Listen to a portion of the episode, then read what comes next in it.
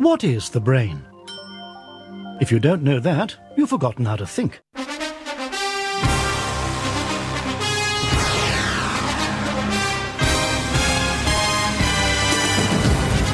Please ensure you have your copybook at hand, as you'll be asked to take down notes from the screen at various points throughout the program. Du hører på Uillustrert vitenskap.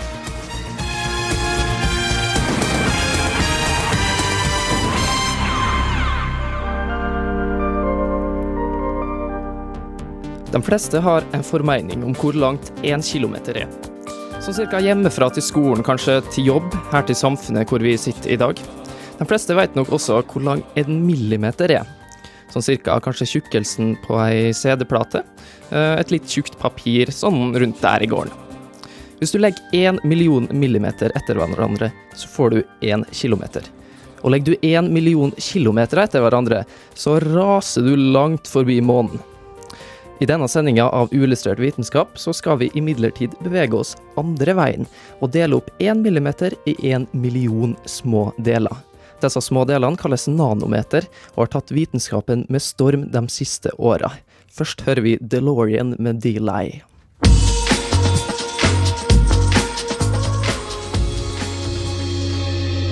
Du hører på Radio Revolt, studentradioen i Trondheim. Deilig elektropop fra spanske DeLorean der, altså. Listene eh, her hos Radio Revolt har blitt oppdatert etter sommeren, og det er vi veldig fornøyd med. Eh, Du hører på Uillustrert vitenskap. Vi er teknologi- og vitenskapsnerdemagasinet til Radio Revolt. Ja. Mitt navn er Erlend Tveten, og jeg har med meg ei ny jente her. Eh, Kanskje du vil presentere deg sjøl, Susanne? Ja, jeg heter Susanne Sandell. Jeg går på Gløshaugen og er interessert i vitenskap og sånn. Så du er litt sånn nerd, du også? Ja, nok det. For jeg har vært med i det programmet her tidligere, eh, og eh, jeg har litt sånn lang fartstid sånn sett. Eh, Så jeg er veldig glad for å få med meg en ny nerd hit i programmet. Så det vil bli veldig bra. Jeg gleder meg til semesteret utover. Ja, Det blir en time fylt av nerding, dette her. Mm. Men vi har, vi har en ting til felles. Hva er det for noe? Vi går begge to på nanoteknologi, Det gjør vi. og det Eh, løfter oss på en måte til et nytt nerdenivå. Det gjør jo egentlig det. Ja, Eh, og eh, det som er litt artig med det, er at vi har tenkt å gå rett på det vi kan best eh, nå i starten. Det er lett greit å gjøre det. Nanoteknologi. Eh, og vi er jo litt sånn ja, hva skal vi si? Eh, vi er glad i teknologien og vitenskapen, men vi tenker egentlig ikke så mye konsekvenser. Men det skal vi prøve å gjøre litt i dag, for temaet er nanoteknologi. Sp spørsmålstegn er det farlig?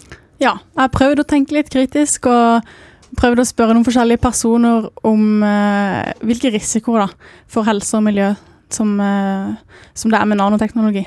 Mm. Og eh, det blir spennende å høre hva eh, folk tenker, og hva tenker vi som er morgendagens nanoteknologer. Det Mm. er litt spennende.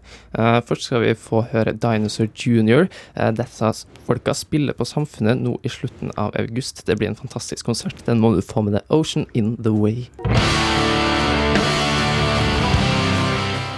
Lørdag 29. juli gjester amerikanske Dinosaur Junior storsalen på Samfunnet. Og Radio Revolt gir deg mulighet til å oppleve konserten. Alt du trenger å gjøre, er å svare på ett enkelt spørsmål. Hvilket dyr hører du her? Alternativ A mus. Alternativ B dinosaur. Eller alternativ C spurv. Send riktig svaralternativ til rauting at radiorevolt.no, eller på SMS kodeord RR til 2030. Vinneren av to billetter til konserten trekkes torsdag 27. august. Lykke til! Spurv? Jeg tror jeg tror på spurv. Jeg kan velociraptor. Yes. Jeg tror det er velociraptor. Men uh, uansett, vi er uillustrert vitenskap, eh, og vi har i dag uh, tema som er veldig interessant for oss som sitter her, og forhåpentligvis for dem som hører på også. Det er nanoteknologi. Uh, vi skal se på de aller minste byggesteinene vi har i naturen. Og spørsmålet vårt er om det er farlig, fordi grunnlaget til det her er at Teknologirådet har kommet med noen sånne spesielle uttalelser. Mm. De har eh, ment at eh, lovverket er for dårlig i forhold til det at nå finnes det jo en, del produkter med nanoteknologi på markedet som har sluppet igjennom litt for enkelt, for vi vet ikke nok. Om du krymper ned den her, så at den blir mindre og mindre så kommer, så kommer de enskilde atomene att, att spille roll. There's plenty of room at the bottom, sa fysikeren Richard Feynman og refererte til nanoteknologi. Det var navnet på et foredrag han holdt i 1959, og forskere kunne allerede da se hva slags utvikling vitenskapen gikk mot. I dag blir nanoteknologi hypa som det neste store, og allerede i dag finnes det over 1000 produkter på markedet som anvender f.eks. nanopartikler. Tre til fire nye produkter når markedet hver eneste uke, og flere selskaper programmerer stolt bruken av nanoteknologi i produktene sine. Dette til tross for at forskerne er usikre på helserisikoen.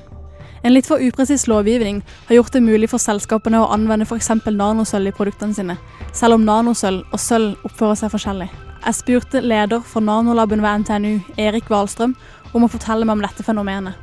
Det som skjer, er jo att um, du kommer, altså om man tenker på material som er, som er stort, romslig stort, som er noen, noen centimeter stort, så, så, så ikke egenskapene av, av, de, av de kollektiva egenskapene egenskaperna hos materialet.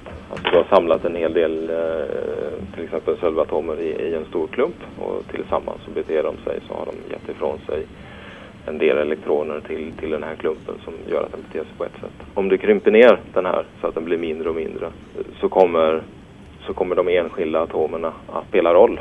Alltså det, det spelar roll exakt hur många elektroner du har på den här klumpen. Det spelar eh, roll exakt vart, vart de olika bindningarna mellan, eh, mellan sölvatomerna sitter för att du, du ska veta hur det beter sig. Ibland så är det stora forskjeller, ibland är det små forskjeller.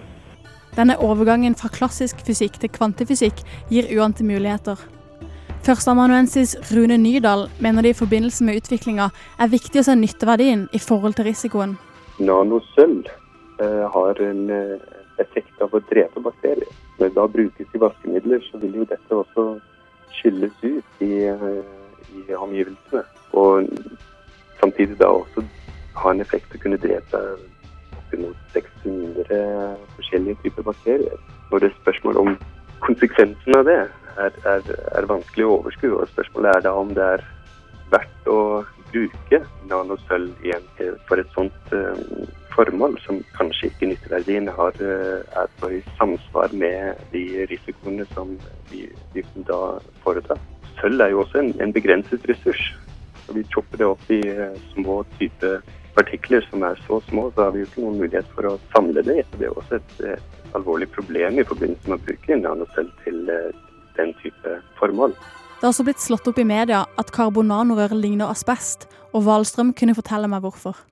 Så at du egentlig har fibrer som, som er såpass små at de kan eh, trenge igjennom og forstørre membran i kroppen og gjøre skade. Wahlstrøm forsikrer meg til slutt om at det er stor bevissthet rundt helsekonsekvensene i forskningsmiljøene. At det satses en, en del midler på å forstå liksom, mulige etiske konsekvenser av nan nanoteknologi. Og nå kommer det også altså, ganske mye midler både nasjonalt og internasjonalt der man da forsøker ta reda på hva det finnes det for toksologiske og ekotoksologiske effekter av nanoteknologi.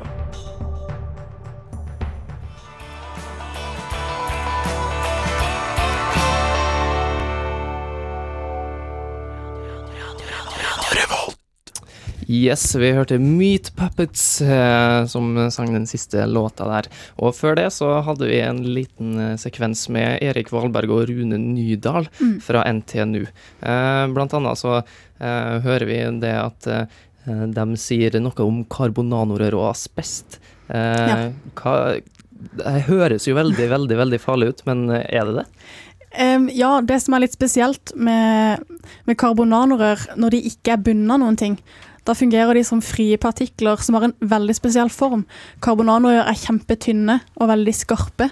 Og det, det at de blir sammenlignet med asbest i media, er fordi at uh, asbest har den lignende formen. Så det er ikke måten karbonanorør eventuelt reagerer med kroppen. Det er rett og slett formen at det fungerer som bitte, bitte små nåler som skaper infeksjon i, i lungene. Men det, det er jo sånn typisk sånn det aller farligste man kan komme borti. Det er sånne ting som går inn i luftveiene og sånn. Ja. Da får eh, folk angst med en gang.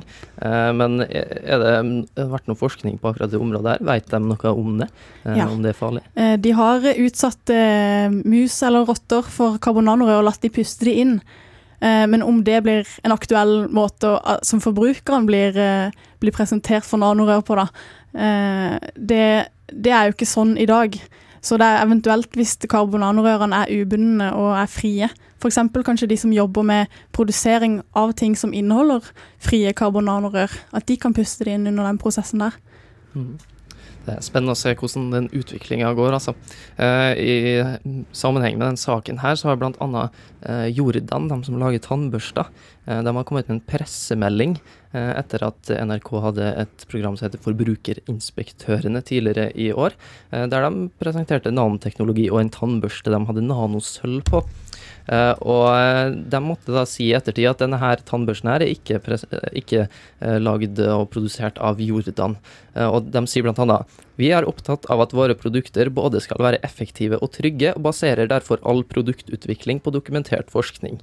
Derfor har vi heller ikke tatt i bruk nanoteknologi i produksjonen av noen av våre produkter. Ja, altså, med så høres det litt sånn eh, panikk, angst. Ja. Litt, eh, er det noen grunn til det her? Altså Det som er litt, litt morsomt å se, er jo at før så ble det proklamert stolt på alle mulige slags produkter at de inneholdt nanoteknologi. Etter at nanoteknologi har fått litt negativ oppmerksomhet, at, de sier, at forskerne sier vi vet ikke nok, så er det plutselig at folk har begynt å ikke ha lyst til å assosiere seg med den typen eh, teknologi. Så det er en liten endring der. Men hva tror du, da? Tror du man kommer til å få lokk på eh, nanoteknologien? Det Sånn- tviler jeg sterkt på. Det er jo alltid sånn når man skal bruke nye ting, så må de testes grundig. Og, og deler av nanoteknologien kan selvfølgelig være farlig. Når man puster inn de små partiklene, eller kanskje noen av de også kan trenge gjennom huden. Det er det også en, en frykt for. Men, eh, men sannsynligvis er det nå så utrolig nøye testing at jeg tviler på at ting kommer til å treffe markedet som, som er virkelig farlig, da. Men det som virker litt rart på meg, er det at man bruker nanopartikler som en slags sånn skremselsord. Mm. Eh, men nanopartikler i seg sjøl er jo ikke noe ny greie. Det finnes jo mange nanopartikler rundt omkring i naturen. Ja. Eh, og sånn at man bruker det som en slags sånn ord som skal være farlig, det er litt skummelt. Ja. Mm. Nat ordet naturlig er jo også ofte brukt for å gjøre ting at ting høres trygt ut. Er det naturlig, så er det trygt. Men det er jo så sinnssykt mange ting i naturen som kan drepe oss. Jeg vil ikke akkurat bruke ordet naturlig som en sånn her stempel, at det er trygt. Nei, ikke sant. Eh, men eh, nanopartikler, altså det er egentlig bare et, eh, en betegnelse på at en partikkel er liten. Mm. Eh, og det finnes jo uhyre mange nanopartikler rundt omkring i naturen som du blir eksponert for hver eneste dag. Så ikke nødvendigvis at det er farlig om det kommer i en tannbørste, eller om det kommer i kosmetikk, eller noe som helst sånn. Nei, så lenge det testes nok, så er det jo greit. Mm. Og det gjør vi bl.a. her på NTNU. Har du vært på Nanolaben? Nei, ikke ennå. Jeg tror jeg skal bli introdusert for nanolaben i neste uke. Mm. Så jeg gleder meg. Veldig spennende, for NTNU har jo en egen nanolab som de åpna nå i sommer, faktisk. Eh, og de har bygd flere år eh, på denne her laben her, eh, som er oppe på Gløshaugen, mellom kjemiblokk 1 og 2, tror jeg. Mm. Går forbi han hver eneste morgen. Ja, du på en måte ser inn og Jeg har lengter etter å komme inn. utviklinga med- fra byggefolkene var der til han sto ferdig. Jeg gleder meg veldig til å, til å være der inne og prøve å se åssen det er.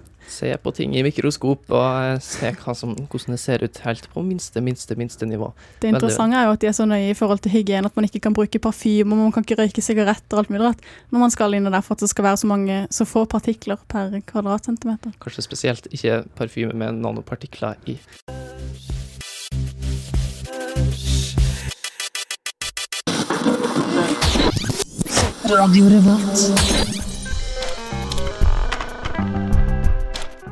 Nils Henrik Abels teorem lyder som følger.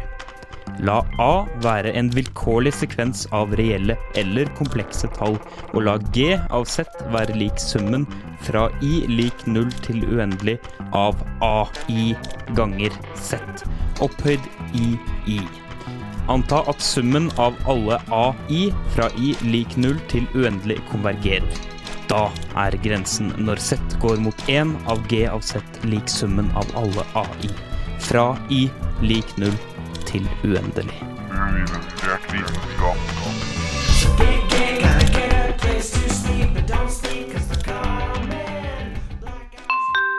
Radio Revolt på FM 97,9.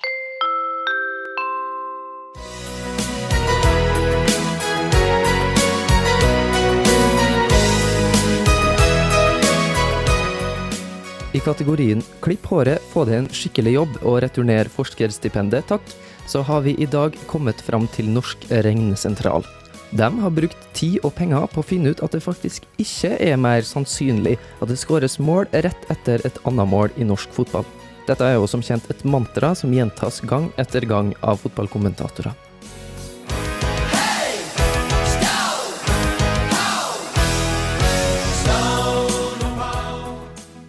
Det verste i denne saken må vel likevel sies å være konklusjonen til forskerne fra Norsk regnesentral.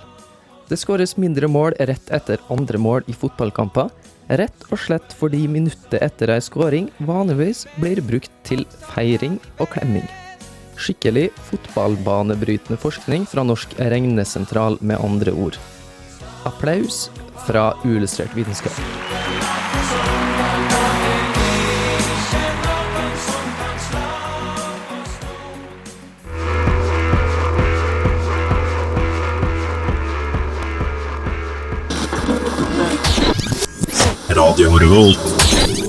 ID and Abilities De er litt sånn kvasi-hiphopere, føler jeg. At de kunne kanskje vært litt hardere og sånn, men de lager litt sånn poppete, litt hiphop-aktig Koselig hiphop. Koselig. Mm. Mm. Men uh, låta heter Smile, altså. Du kan liksom ikke være hiphopere og lage en låt som heter Smile. Det I hvert fall liksom ikke feil. hvis du skal få masse street cred. Nei. Men eh, vi er, på en måte ferdig med nanoteknologien eh, for i dag. Vi kommer selvfølgelig tilbake til det hvis det skjer noe spennende eh, innen feltet. Og vi er jo de første som får vite, så det er bra. Hvis du følger med på uillustrert vitenskap framover, så blir det i hvert fall eh, oppdatering på nanoteknologien. Og mye annet. Ja. Eh, en annen oppdatering som vi har tenkt å ta i dag, den har, er av litt annen karakter. Eh, vi har kommet eh, over ei nettside som har kåra de verste, eh, verste designene som eh, utviklings... Ja, evolusjonen har kommet fram til. Ja. Eh, så dårlig utvikling av dyr, altså. Eh, altså litt sånn intelligent design, bensin på bålet akkurat her, men Ja, men jeg liker egentlig det at, det, at, at evolusjonen har gjort noen sånne skikkelig massive tabber. For at hvis det da hadde stått en skikkelig intelligent skaper bak alt dette, så tror jeg nesten han ville fiksa opp i dette her. Og enkelte av disse tingene er jo nesten uakseptable. Ja. Altså, jeg har hørt at på en måte, for eksempel li- lilletåa vår, den trenger vi ikke. Nei. Og heller ikke Halebeinet trenger vi ikke. Nei. Menn trenger ikke brystvorta. Nei. Nei. Og slike ting. Men det er altså noen større tabber her ute i dyreriket. Eh, nummer én Ja, det er Hva kalles det? Blåsehullet til hval- til hvalen? Ja. Det han har på toppen der. Han tilbringer jo såpass mye tid i vann at det er nesten litt idiotisk at han må opp bare for å puste. ja, det er egentlig Altså, kunne han ikke bare fått seg gjella, liksom? Ja, det, jo, det har jo de fleste fisker, men nå er, jo, nå er vel ikke hvalen en fisk. Men det burde han være. Ja, det skal jo ikke så mye evolusjon til å på en måte bare ordne seg en gjelle, istedenfor at man må opp hele tida for å ta seg luft. Nei, Nei, men det spørs, Hvis han klarer seg, så kommer det jo ikke til å skje noen ting. Hvis han overlever med det der blåsehullet sitt, så går det greit. Det som er tabben, at den overlever. Ja. Mm. Men eh, det som er litt interessant, er jo at kanskje den har en funksjon, eller han har jo en funksjon som er ganske sær, nemlig at homofile hvaler har sex i det hullet. det er helt sant! Ja, ja, nei, jeg tror det. Så han har en, en, en bruksområde, selv om Ja. Ja, ja, men eh, Spennende. Eh, Når vi først er inne på det eh, området, så kan vi ta nummer to også Ja, litt sånn flaue ord å si på radio. Ja. Eh, hygienens klitoris er, kan bli så hard at når han føder ungen sin, så kan klitorisen slå i hjel ungen fordi han blir så hard. Det står her at han er en pseudopenis, så stor er han. Oi. Altså, litt av poenget med den kåringa her er jo på en måte at eh, litt som Darwin Awards, at hvis du gjør et eller annet for å drepe ditt eget avkom eller i den dur, Mm. så har du ikke vært så veldig sånn evolusjonsmessig korrekt. Uh, og kenguruen har eh, ikke gjort det så veldig bra. Eh, for at eh, når den føder, så må på en måte uh, Ja, eh, så må eh, kenguruungen på en måte kravle eh, opp i, opp oppi på en måte den pungen til Mm. eh, kenguruen. Og det er ikke så veldig lett å gjøre når man er nyfødt. Nei, jeg tror puppene til kenguruen er oppi der, så hvis han skal få noe melk og overleve, så må han komme seg inn der. Så spørs det da om på en måte, mammakenguruen hjelper til eller ikke. Kanskje ke- kengurumammaen er skikkelig busy akkurat da, bare driver på sånn hoppetur. Og så hvis han da begynner å lure seg ut av fødselskanalen til mora på det tidspunktet, det er dumt, altså. Men eh, apropos føds fødselskanal, nå tar vi sånne smoothe overganger Ja, eh, til neste dyr. Det er sjiraffen. Eh, fordi sjiraffen har vært så smart at den skal på en måte spise fra de øverste trærne. Mm. Eh, nei, de høyeste trærne. Øverste trærne, høyeste trærne. Mm. Eh, og derfor så har den da fått seg lange bein. Og det resulterer i at når, når eh, sjiraffen føder, så detter babyen fem eh, fot ned, står det. Det er 1,5 meter. 1,5 meter. Mm. Spennende. Så det er sjanse for at det går ganske dårlig med én gang, faktisk. Og I sjiraffrelaterte info så er det jo også sånn at eh, når sjiraffer parer seg, så kan de dø. For at de må hoppe ganske høyt opp. Eller hannen må hoppe ganske høyt opp for å lande på det riktige stedet eh, med forbeina sine. Og holde opp på ryggen. Og hvis han da glipper litt, så detter han. Og da kan han brekke masse bein, og hvis han brekker masse bein, da overlever han ikke. Ja, jeg husker eh, Madagaskar, det, der den her eh, sjiraffen går for å dø i et hull. Eh, brekker meg. Ja, det er i hvert fall. Eh, la oss ikke dra inn det. Det blir litt for trist. Ja. Mm, veldig trist film. Eh, nummer fem. eh, stor eh, edderkopp som spiser fugler, står det. Men eh, han har sånn, eh, sånn Skallet er så dårlig at det knekker bare en dett i bakken. Ja, og det er jo litt dumt når du skal være oppe i trær og jakte på fugler. Da kan hende du glipper sånn av og til. Det Høres veldig eh, smart ut. Eh, men den nummer seks er kanskje min favoritt, da. Eh, er at eh, haier ikke føder egg som andre fisker. De føder levende unger. Det betyr at måte, eggene klekkes inne i haien.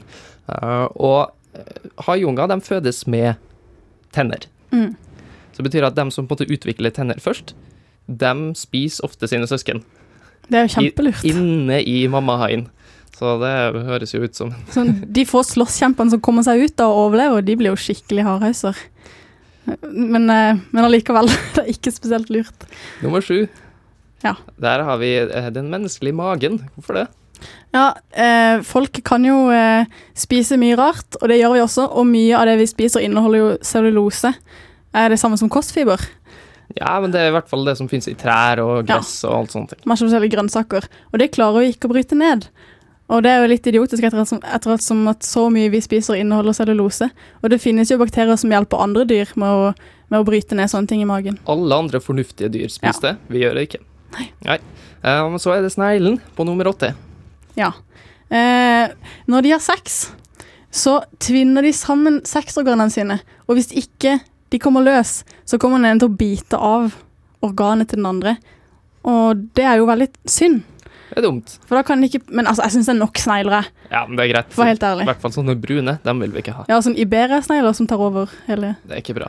Eh, la oss ta ni og ti eh, fort. Uh, nieren er da dyr som går på fire bein, som sliter hvis de får en bille eller noe sånt på ryggen. Grisen kan ikke engang se oppover, så han har ikke peiling på hva som skjer. Og elefanten kan ikke engang hoppe. Nei. Nei. Eh, og nummer ti, da har vi narhvalen, som eh, har et sånn eh, Det er nesten sånn unicorn-horn. Mm. Og det er da ikke et horn, Nei, det er en tann. en tann. Den vokser ut av kjeven, gjennom hodet og utover. Tenk så vondt du får i hodet hvis du har tannverk når du er en narhval. Kjip. evolusjonens ti verste ting, det der, altså. La oss høre litt mer musikk, tror jeg.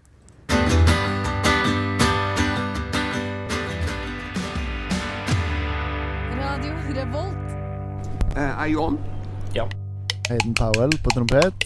eh, Erik Johannessen på trombone. Jeg heter Fredrik Ljungqvist, spiller saxofon og klarinett i Atomic. Daniel Herskedal eh, på tuba og Erik Nylander på tromme. Jeg heter Håvard Vik og spiller piano.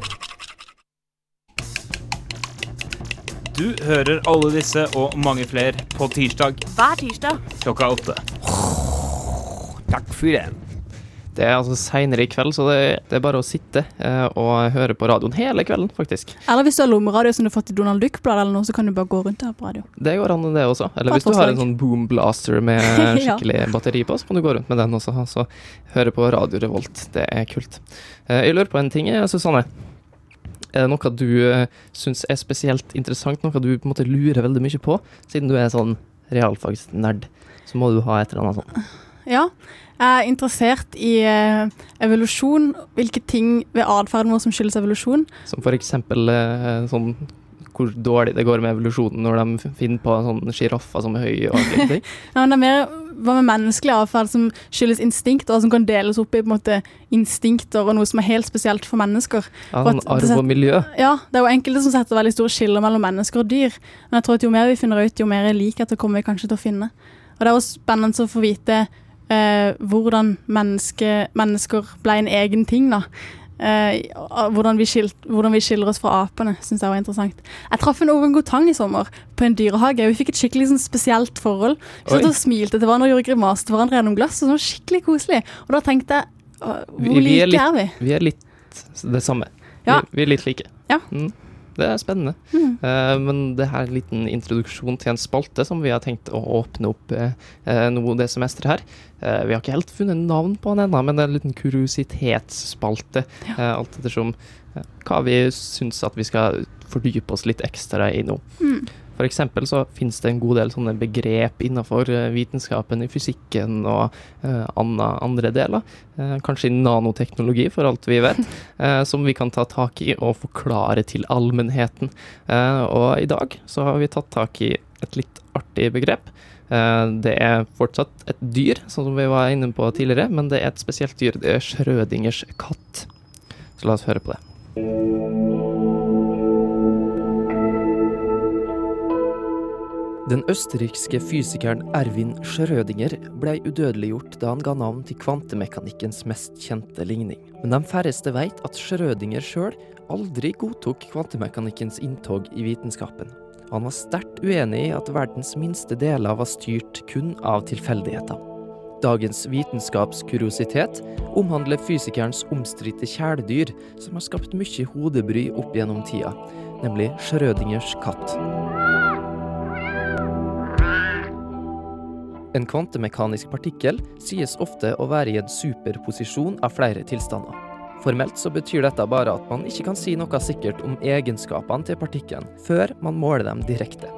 Men den populære København-fortolkninga med Niels Bohr i spissen dro det hele enda litt lenger i filosofisk forstand.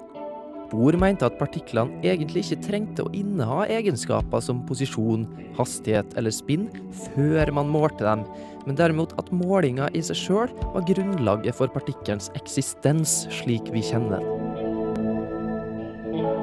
Før måling eksisterer en partikkel kun som en sannsynlighetskurve, en superposisjon av flere forskjellige mulige tilstander. Erwin Schrødinger likte ikke denne vendinga innen fysikken, og svarte med et tankeeksperiment. Hva hvis han plasserte katten sin i en boks sammen med et radioaktivt materiale som når som helst kunne henfalle og ta livet av katten? Uten ei direkte måling, så er det radioaktive materialet i en superposisjon av henfalte og ikke henfalte tilstander. Ifølge Schrødinger ville dette medføre at katten også måtte være i en superposisjon. Litt levende og litt død. En rar blanding mellom både og og verken eller.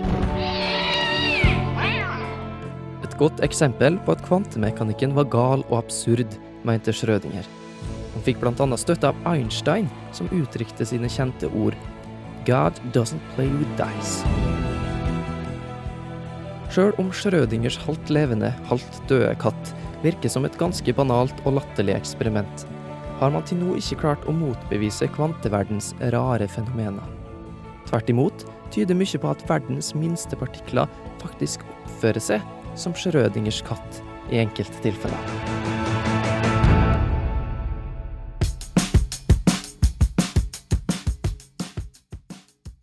Eh, Vi er nesten ferdig med uillustrert vitenskap for i dag, men vi er bare så vidt i gang eh, for semesteret.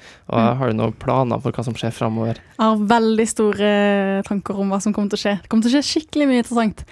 Jeg skal lære mye sjøl òg. Det er bra. Ja. Vi har bl.a. planer om å sette i gang en konkurranse, men vi må vente litt grann til med den. Mm. Eh, Vi må også informere våre lyttere om at vi har en reprisetid. Eh, Det er i morgen klokka to. Eh, Og for dere som hører på i morgen, så er det da ikke torsdag, men det er onsdag klokka to. Mm. Mm. Og uillustrert vitenskap er det altså da fra fire til fem hver tirsdag i hele semesteret. Så det er veldig spennende. Mm. I tillegg så må vi også få lov å ha litt egenreklame akkurat her. Eh, Radio Revolt tar opp nye medlemmer nå, og kanskje, hvis du er heldig, så kan du bli med oss i uillustrert vitenskap og lage nerderadio eh, til eh, Trondheims befolkning og studenter. Så det anbefaler vi veldig. Gå inn på samfunnet.no, videre på opptak, og så søker du på Radio Revolt. Nå skal vi høre en låt til slutt. Det er Mew, eh, skandinaviske softrockere altså fra Danmark. De skal spille låta 'Beach'. Den er veldig vakker. Så ses vi neste uke. Ha det bra. Ha det.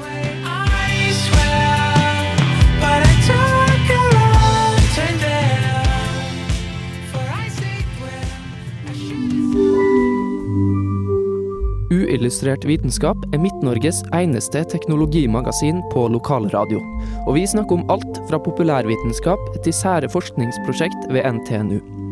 Radio Revolt, studentradioen i Trondheim, er stolt av å kunne presentere podkaster fra de aller mest populære programmene våre. Hvis du har lyst til å høre mer fra Radio Revolt, hvem vi er og hva slags musikk vi spiller, så kan du høre oss på FM-båndet i Trondheimsregionen, eller streame sendingene våre live på radiorevolt.no.